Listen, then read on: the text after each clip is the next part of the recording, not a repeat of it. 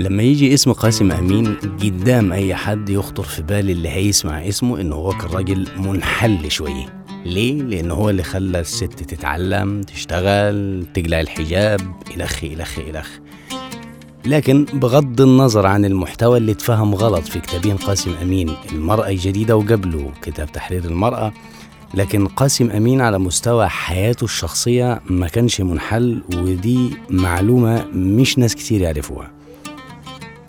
قاسم أمين في الأصل كان مستشار وقاضي. نفس حياته القضائية كان بيطبقها في البيت. بيتعامل بعدالة مع مراته بعدل مع بناته سيدة وجولسون وفي نفس ذات الوقت راجل ما نقدرش نقول عليه إنه هو متزمت لكنه كان موظف بشكل لا يدعو للملل.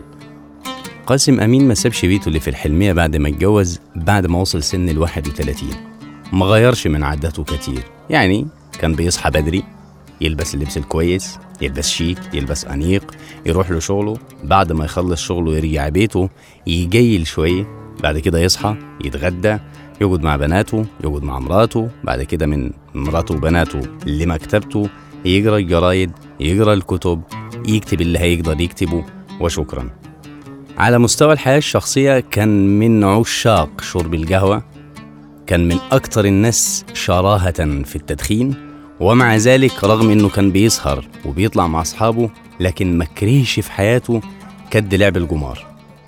قاسم أمين كان بيكره الجمار في سهراته مع أصدقائه اللي كانت بتتحول من مجرد سهرة لموائد وكان دايما بيقول عنها في كتابه خواطر عين الطماع حين تبصر شيئا تشتهيه لها نظرة تحيط به وتحتويه برمته وتحوزه وتفعل في نفسك ما يفعله الاختطاف الحقيقي.